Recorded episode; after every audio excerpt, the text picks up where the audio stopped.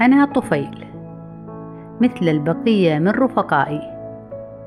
نبحث عن حياة أفضل في البيئة المناسبة لنا سواء في الإنسان أو غيره من الكائنات. نتمنى لنا استمرار البقاء ومقاومة القضاء علينا. فالحياة صراع والبقاء لله وحده.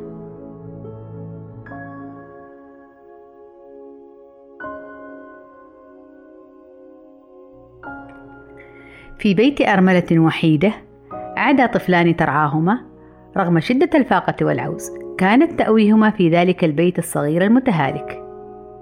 والذي يكاد سقفه يقع عليهم. قضيت جل حياتي مستضيفا لها ولطفلاها. ولكل كائن حي يوجد في دارها. فلم أمتنع عن القطة والفار رغم عدم تواجدهما معا إلا أني مارست نشاطي عليهما. لكوني لا أتوغل داخل الأجساد. إنما أكتفي بالتشبث على أجسام عوائلي. بواسطة ارجلي الطويلة المخلبية التي أمتاز بها وأقفز بها من مكان لآخر. فلا أجنحة لي ولا زعانف بل درع قشري تزينه حراشف.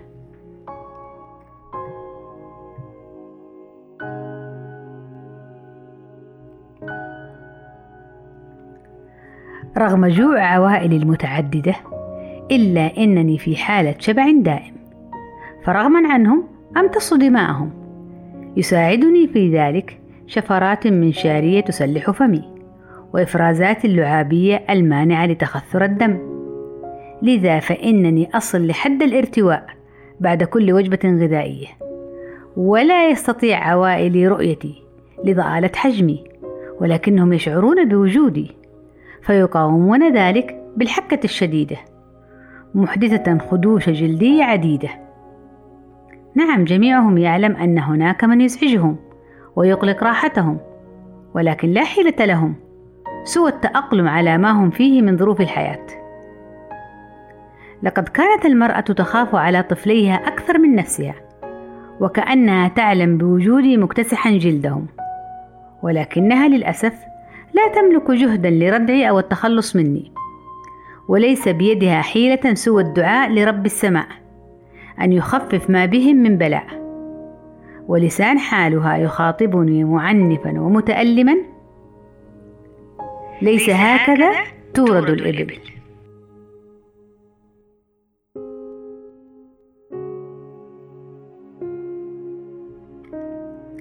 كان يساعدني في إثبات وجودي أطوار رقية لدودة شريطية بغيضة. متوطنة تجويف الجسم لقطة ذلك المنزل. كما كنت ألعب دورا هاما في إكمال دورة حياتها بين القطة وأحد الطفلين. ذلك الحامل للدودة البالغة في أمعائه الدقيقة. في حين كان فأر المنزل البغيض هو الملاذ لي في معظم الأحايين. فمعه تحلو حياتي وتزدهر. وبوجوده لا مجال للخوف أو الحذر. فحياتي مستمرة وآمنة. حتى وإن كانت في بعض فتراتها تبدو داكنة. فالأمل لبقائنا نحن المجهريين دائما متجدد. وتكاثرنا وزيادة أعدادنا هدف قائم لا يتبدد.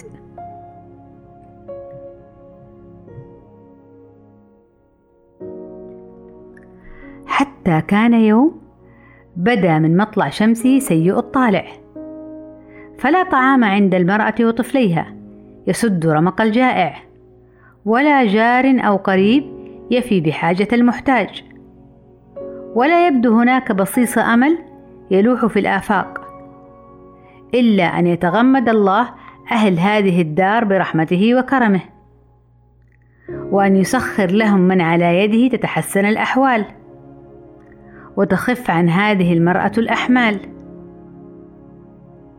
وبعد أن انتصف النهار ومالت الشمس عن كبد السماء إذ بسيارة عابرة من تلك القفار. وقفت لبرهة بسيطة قريبا من الدار ونزلت منها سيدة كريمة يبدو عليها الجاه والوقار.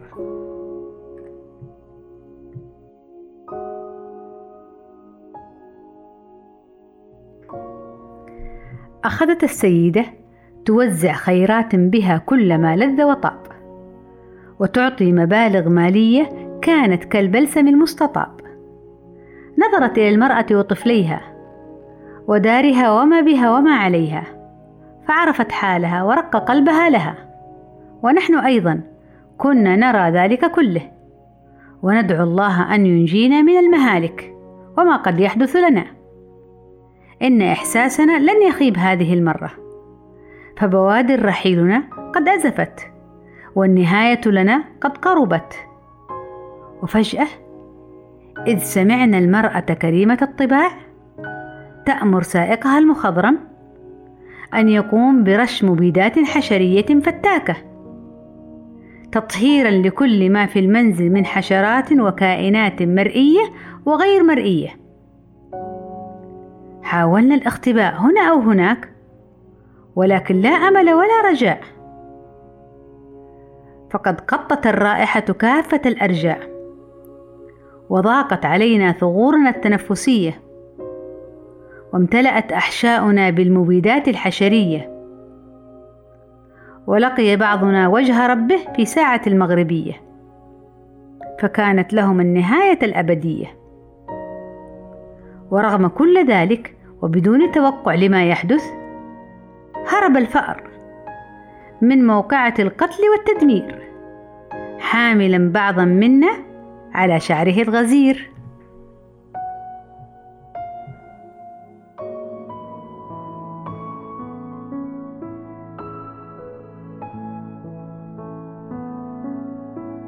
سمعتم الحكاية وعرفتم الرواية وكانت النهاية ويتجدد لقاءنا بكم في قصة طفيلية أخرى. تشد انتباهكم وتستدعي اهتمامكم. دمتم بخير.